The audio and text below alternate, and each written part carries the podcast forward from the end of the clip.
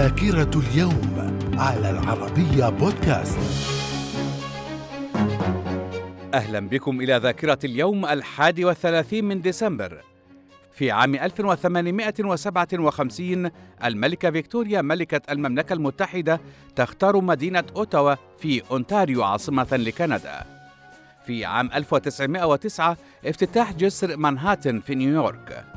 في عام 1912 الإيطاليون يحتلون مدينة سرت في ليبيا.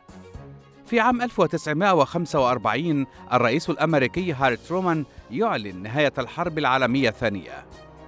في عام 1946 جلاء القوات العسكرية الأجنبية نهائيا عن لبنان. من الذاكرة. في عام 1955 شركة جنرال موتورز تصبح أول شركة أمريكية تحقق أرباحا تفوق المليار دولار أمريكي. في عام 1977 الشيخ جابر الأحمد الصباح يتولى الحكم في الكويت خلفا للشيخ صباح السالم الصباح. في عام 1984 الولايات المتحدة تنسحب من منظمة التربية والثقافة والعلوم يونسكو. من الذاكرة. في عام 1999 الرئيس الروسي بوريس يلتسن يستقيل من منصبه.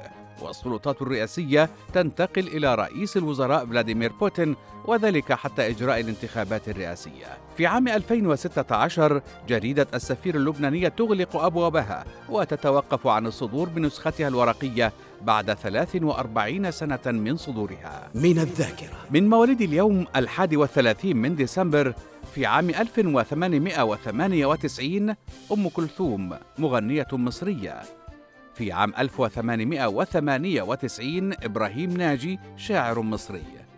في عام 1937 أنتوني هوبكنز ممثل بريطاني أمريكي. في عام 1945 فوزية عارف ممثلة عراقية. من الذاكرة. ومن وفيات اليوم الحادي والثلاثين من ديسمبر في عام 1877 جوستاف كوربي رسام فرنسي.